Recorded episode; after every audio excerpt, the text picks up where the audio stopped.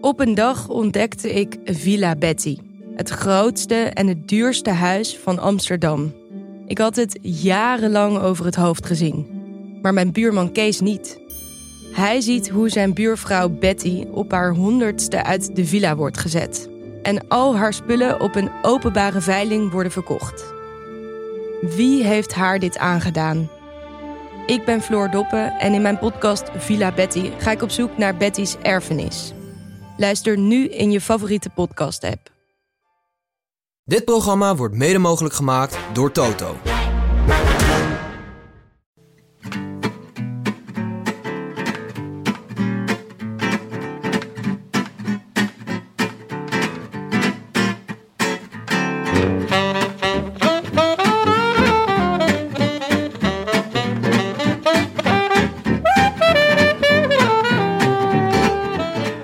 Vrijdag 20 juli, de dag nadat het peloton aankwam op Alpe d'Huez, de koninginnenrit in de Alpen.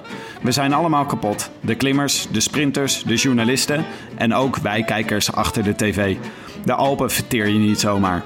Hoe gaat het nu in het peloton? Dat bespreken we met Daan de Ridder, de verslaggever van nu.nl die op dit moment in Valence zit voor de finish van de 13e etappe. Mijn naam is Tim de Gier en dit is de Rode Lantaarn. I could be in the south of France. In the south of France. Tonight. Hey Daan, Hey Tim. waar, eh, waar ben jij op het moment? Eh, ik zit op dit moment in eh, Valence.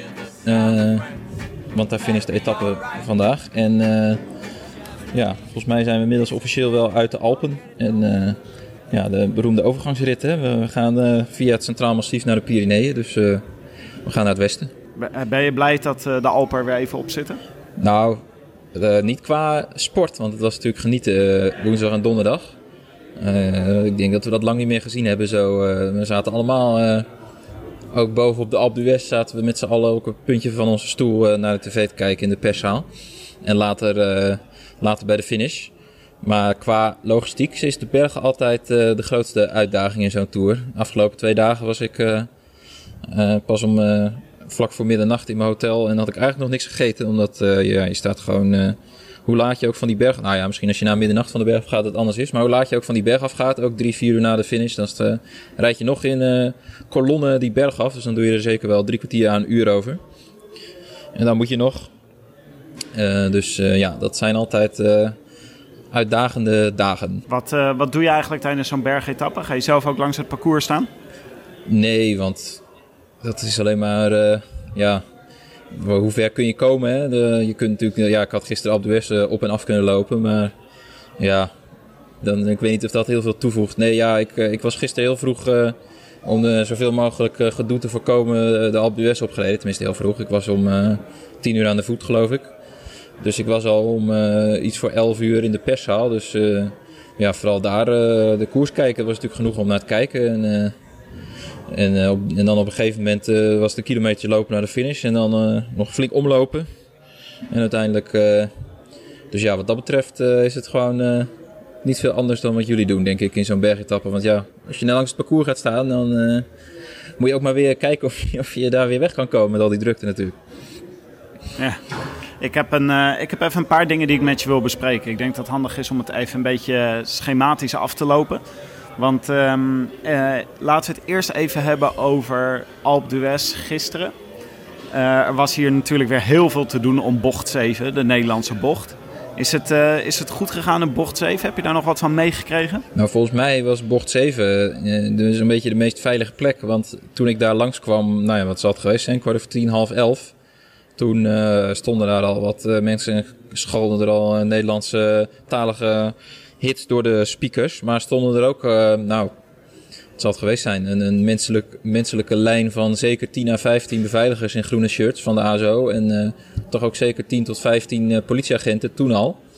En zeg maar de andere 13,5 kilometer van de Alp kwam je misschien om de paar honderd meter een agent en iemand van de beveiliging tegen. Dus ze hadden echt, ik begreep dat er 200 beveiligingsmensen totaal op de Alp stonden. Nou, ik denk dus dat daar, gebasis van mijn eh, obse- observatie toen ik er langskwam en ook toen ik ze op tv langs zag komen, denk ik dat zeker 10 tot 15 procent alleen in bocht 7 stond. En dus ik heb, volgens mij is daar, ik heb ook niks gezien of gehoord van dat daar dingen mis zijn gegaan. Maar ja, verderop natuurlijk wel. Maar was het, uh, wat, is het toch met, wat is het toch met Alp d'Huez dat het zoveel maloten aantrekt? Ik heb altijd het gevoel dat als er dingen misgaat, dat het op, uh, dat het op Alp d'Huez is. Nou ja, ik weet niet of, het, of, of het nou meer of minder maloten trekt gewoon meer mensen aan. Ik denk dat dat natuurlijk gewoon het punt is. Op zich is die kool natuurlijk maar, wat is het, 13,8 kilometer geloof ik. En uh, ze hadden het over 300 tot 500.000 mensen alleen op die Alp. Dus het trekt gewoon heel veel mensen aan. En dan zijn, is natuurlijk ook een, een hoger percentage van, van mensen die dan wel iets geks willen doen. Uh, ja, en dan gaat het mis. Maar ja, uiteindelijk is het natuurlijk gewoon die drukte. En het probleem is natuurlijk, ik zag dat Christian Prudhomme, de baas van de ASO, ja, nou ja, niet zijn excuses, maar in ieder geval geschrokken was van alle chaos en commotie. Maar, maar ja, je zit, natuurlijk, je zit natuurlijk in de spagaat dat dit natuurlijk ook de charme is van het wielrennen. Je, ik bedoel, ik, reed in, ik reed ook in een lange stoet van auto's, s ochtends al uh, naar die Alp toe. Uh, waar, die ook al helemaal vol stond met tentjes en campers.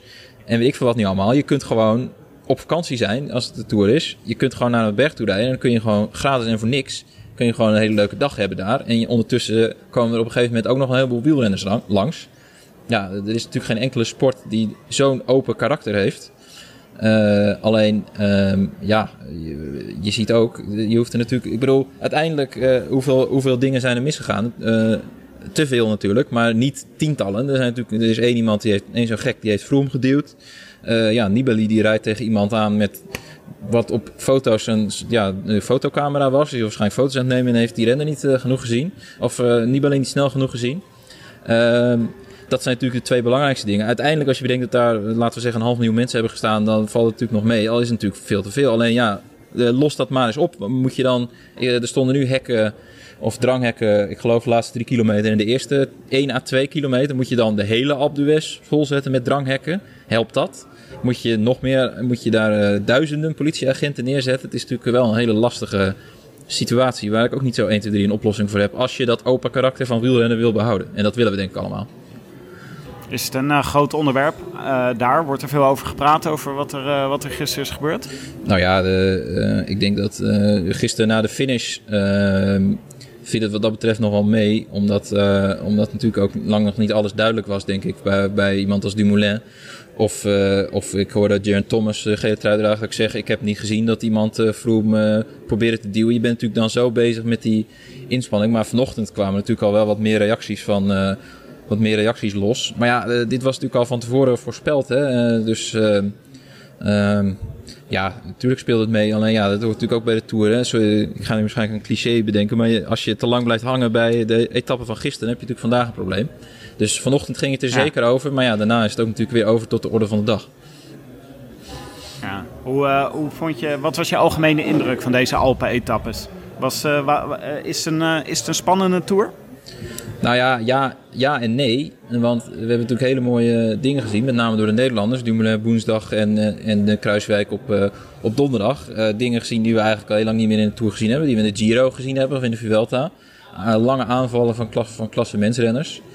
Alleen, je moet natuurlijk ook wel stellen dat aan het einde van de... Als je nu gewoon onder de streep kijkt, dat Team Sky gewoon weer zoals altijd de basis is. Uh, ja. En eigenlijk nu nog meer, want ze hebben nu twee man die eigenlijk de twee, ja, Dumoulin zei dat, uh, ik geloof woensdag na de, na de rit nog. Op dit moment zijn Thomas en Froome gewoon de sterkste renners van het peloton. Dus eigenlijk wat dat betreft hebben ze nog een grotere luxe. Of natuurlijk een groot luxe probleem, of misschien wel een probleem. Want uh, ja, Froome wil natuurlijk die Tour winnen. En Sky is ook ingericht om Froome die Tour te laten winnen. Maar ja, uh, Thomas gaat natuurlijk niet in zijn remmen knijpen of zo. Dus het is natuurlijk nog maar even de vraag uh, hoe die anderhalve minuut die, die nu achter staat op, uh, op Thomas Froome, heb ik dan over, uh, hoe die, die in gaat lopen. Dat is natuurlijk nu wel eigenlijk het, uh, de grootste vraag, denk ik, die hier rondspeelt. Hoe gaat Sky dit aanpakken? Hoe, hoe wordt er over Sky gepraat eigenlijk daar onder, onder journalisten? Is het, want wij zitten toch vrij regelmatig schuimbekkend achter de tv, omdat Sky de koers weer dood heeft gemaakt. Ja, we begrijpen ook wel dat het erbij hoort. Maar hoe praten andere, hoe praten andere journalisten daarover? Nou, je hebt hier natuurlijk journalisten rondlopen, zeker die Britse journalisten. Uh, die, die weten redelijk van, van, uh, van aanpakken. Uh, als er, met name bij persconferenties kan het er soms hard aan toe gaan. Die, pakken, die hebben natuurlijk afgelopen twee jaar, beginnend met die parlementaire eh, commissie in Groot-Brittannië daarna die, zaak met Vroom is, is natuurlijk zeker in de Britse pers heel erg hard aangepakt, Sky. dus er zit, er zit natuurlijk ook hier in deze pers aan heel mensen die, die zeer kritisch zijn op Sky. wij zouden natuurlijk eigenlijk nog kritischer moeten zijn dan, dan misschien de mensen thuis, gezien ons ons werk. Maar ja, als je gewoon puur naar het sportieve kijkt, dan zijn er ongetwijfeld ook mensen die, die, die het wel heel, heel erg ja, knap vinden wat er gebeurt. Maar goed, ja, gisteren stonden we boven op de Alp de West en dan kwam Jaron Thomas op het podium en dan werd hij echt wel flink uitgejoeld. Misschien nog wel het ergste wat ik misschien wel gehoord heb tot nu toe. Uh, er heeft iemand vroom gedeeld. Ja, dat lijkt me ook niet uh, de oplossing. We moeten gewoon kritisch naar Sky blijven kijken en wat ze hier doen. En je, moet, je moet natuurlijk altijd... ook hier zijn natuurlijk mensen die denken van... klopt het allemaal wel wat hier gebeurt? Maar ja, zolang we geen bewijs hebben dat, dat er echt iets gebeurt... is het natuurlijk ook heel lastig om al te erge conclusies te trekken, zou ik maar zeggen. Is dit wat er gebeurt eigenlijk? Zijn er journalisten, uh, als, uh, zijn er onderzoeksjournalisten de hele tijd uh, naar dingen op zoek die er bij Sky gebeuren? is, dat, is dat iets wat, wat je ziet? Ik, dat is niet, ik bedoel, als je een goede onderzoeksjournalist bent, dan zou ik dat niet moeten zien natuurlijk. Maar, nou, dat is een grapje. Maar, maar ehm, ja, het is, het is lastig om, uh, om natuurlijk, je moet denken, we zijn hier met uh, honderden en uh, als je tv meerekent, meer dan duizend journalisten waar die elke dag mee bezig zijn. dat, is, dat, is, dat zou ik een andere dagtaak aan hebben. Maar tuurlijk zijn er, ik weet zeker dat hier mensen bezig zijn om, om, om Sky het, het, vuur na aan de schenen te leggen. Alleen je moet natuurlijk wel denken dat hier ook dagelijks gewoon verhalen gemaakt moeten worden over de koers. Ehm, dus eigenlijk zou je zeggen dat in de Tour misschien niet het, ja, het, het makkelijkste en het beste moment is om dat soort verhalen uh, op te diepen. Nou ja, je kan, ik kan me natuurlijk wel voorstellen. Er is ook, wordt ook de journalistiek wel wat kwalijk genomen in de periodes waarin uh, achteraf de doping welig tierde in het wielrennen. Je zou je toch ook wel voor kunnen stellen dat nu is, uh, in zekere zin speelt ook ehm, de zaak rondom Froome en zijn pufjes en zijn salbutamol uh, het is best wel op een hoogtepunt eigenlijk op het moment. Dus ik kan me ook voorstellen dat het juist de hele tijd daarover gaat. En dat, uh, dat ja, je, krijgt zo, je, je krijgt niet heel vaak de gelegenheid om, om ze vier weken lang uh, of drie weken lang zo, van zo dichtbij te volgen. Ja, maar dan moet ik je toch wel vertellen dat, dat het niet zo is dat ik even het hotel van Team Sky in kan lopen. Of dat, of dat, of dat ze de rode loper hier voor ons uitleggen. Het, klopt inderdaad dat je ze elke dag kan spreken, maar er is niks zo gereguleerd als contacten met uh, mensen van Team Sky. Uh, Froome heeft eh, sowieso altijd zijn eigen bodyguard bij zich. Uh, en die doet altijd zeer gereguleerd zijn dingen. Dus ik begrijp inderdaad dat je denkt dat, hier, dat dit het moment is. Maar dit soort onderzoeksverhalen, hè, de, waar, waar jij het nu over hebt. Ik denk eigenlijk dat je wel kan stellen dat die bijna makkelijker op te diepen zijn als je hier niet bent en als je hier wel bent. Uh, los daarvan moet je natuurlijk altijd die kritische blik blijven houden als je hier wel bent. Maar je moet niet, uh, je moet niet overschatten hoeveel, uh, hoeveel ruimte en, en plek je krijgt hier om. om, om ja, het is niet, het is niet een onbeperkte, onbeperkte winkel waar je zomaar kan, alles wat je wil kan doen. En dat lijkt me ook niet zo gek. Wij zijn, uh, wij zijn bij de Rode Lantaarn natuurlijk uh, totaal lyrisch over de prestaties van de Nederlanders. Zoals we dat eigenlijk al drie jaar zijn. wij we, gisteren was natuurlijk een schitterende dag waarin gewoon we twee keer ons hart op gruwelijke wijze gebroken werd. Doordat de eerste Kruiswijk werd teruggehaald en toen Dumoulin net niet redde. Hoe, hoe, hoe, kijk jij naar de prestaties van de Nederlanders tijdens deze Tour? Is dit naar verwachting of is dit boven verwachting?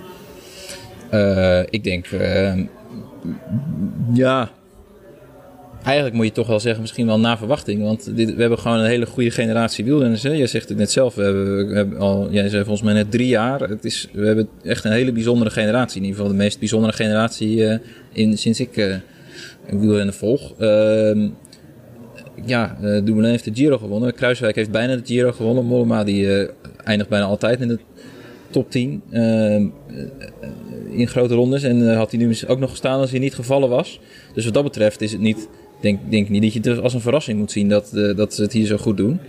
Uh, wat misschien wel een verrassing is. Hè? Je kunt daar wel zeggen, Dumoulin heeft de Giro gereden, nog nooit voor de Tour voor het klassement gereden. Zou hij dat nou weer kunnen? Nou, hij blijkt tot nu toe gewoon dat weer te kunnen. Dat is natuurlijk heel erg knap. En wat Kruiswijk donderdag liet zien, dat heeft natuurlijk ook nog nooit laten zien in de, de in de Tour. Uh, dus ze hebben ons hele mooie dingen laten zien. Maar om nou te zeggen dat, dat we met z'n allen heel verbaasd moeten zijn dat er twee Nederlanders bij de eerste acht geloof ik staan en uh, één Nederlander op het podium. Nee, dat had, je, je van tevoren toch wel uh, zou kunnen inschatten met drie uh, klassementsrenners. laat natuurlijk niet onverlet dat het, dat, dat het gewoon natuurlijk heel fijn is om, om dit te zien. En het maakt natuurlijk ook voor ons als Nederlandse journalisten het werk leuker als, als Nederlanders het goed doen.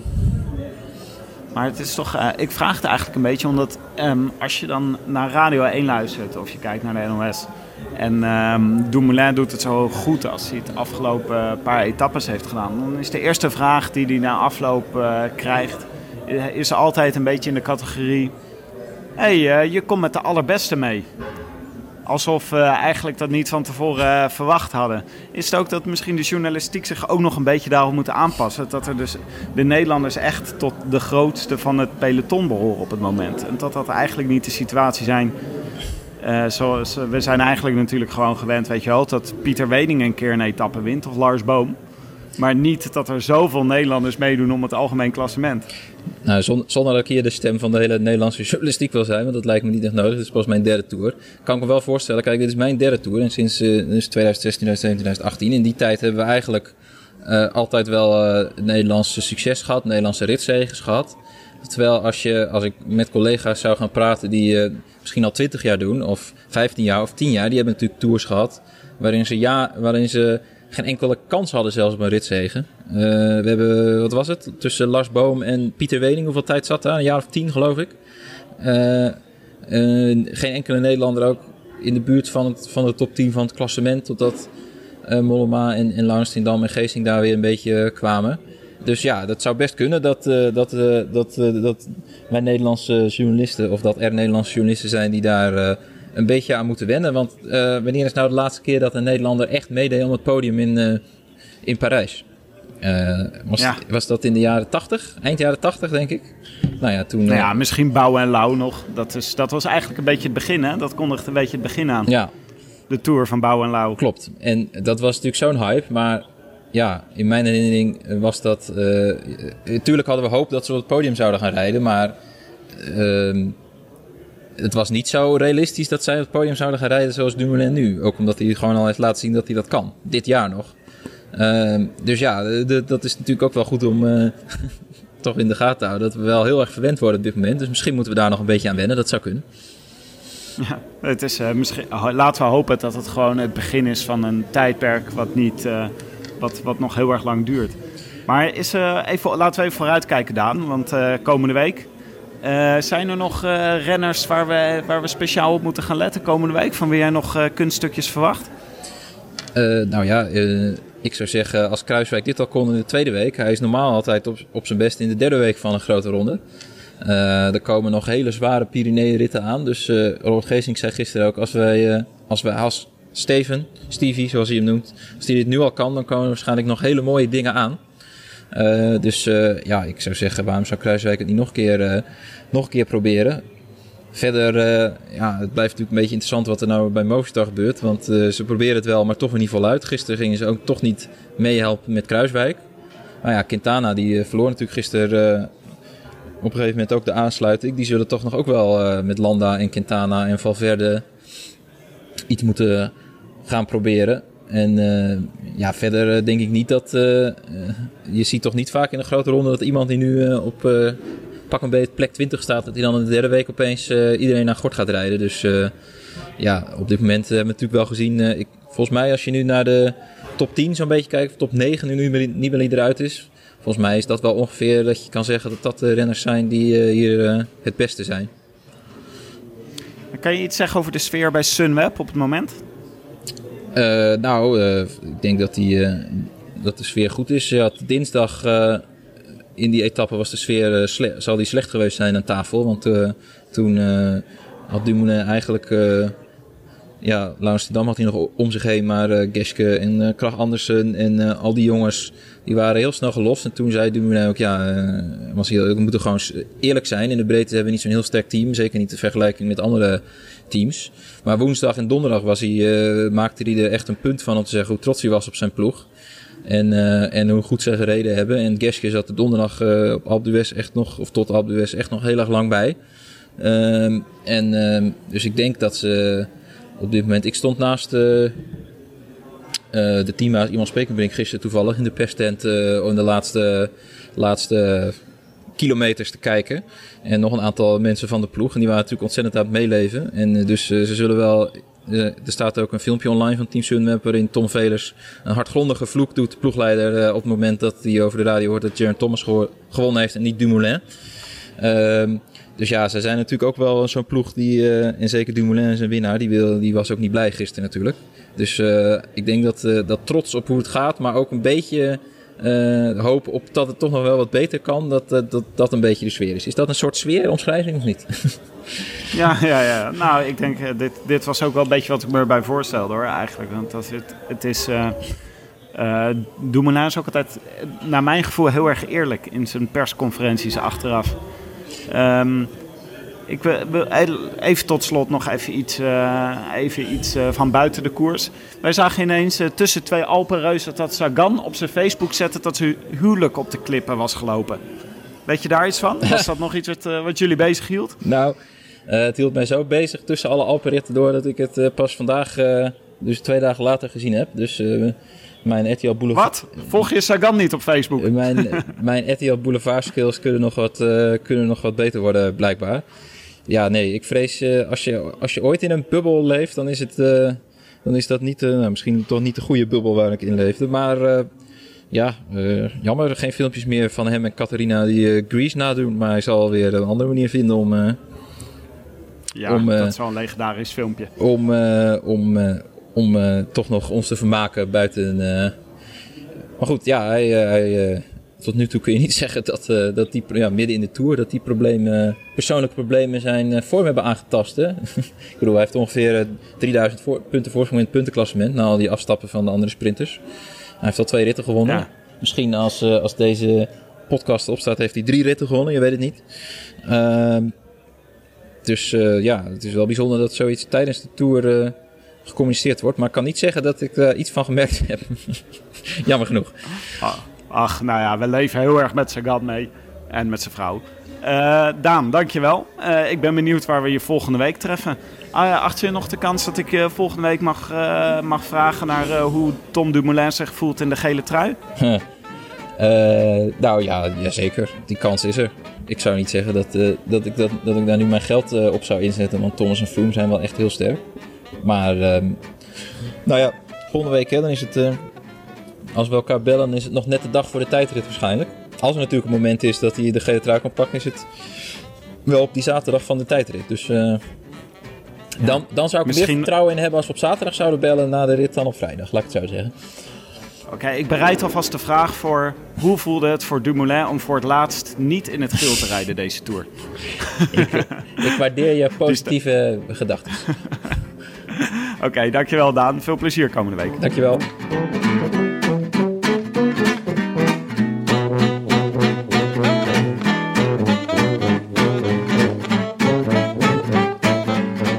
Luisterde naar een special van de Rode Lantaarn, de wielerpodcast van hetiskoers.nl.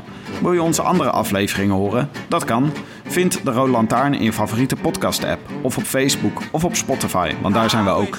Daar kan je mee voorspellen in de voorspelbokaal en daarmee prijzen winnen. We bespreken alle etappes en analyseren de strategieën van de teams en de renners uit het peloton. Maar bovenal genieten we van de koers. Daan de Ridder kan je volgen via nu.nl en op Twitter via Daan de Rode Lantaarn is er zondag weer, dit keer met speciale gast Maarten Chalingi. Voor nu, dank voor het luisteren en à bientôt! I In the south of France, right next to you.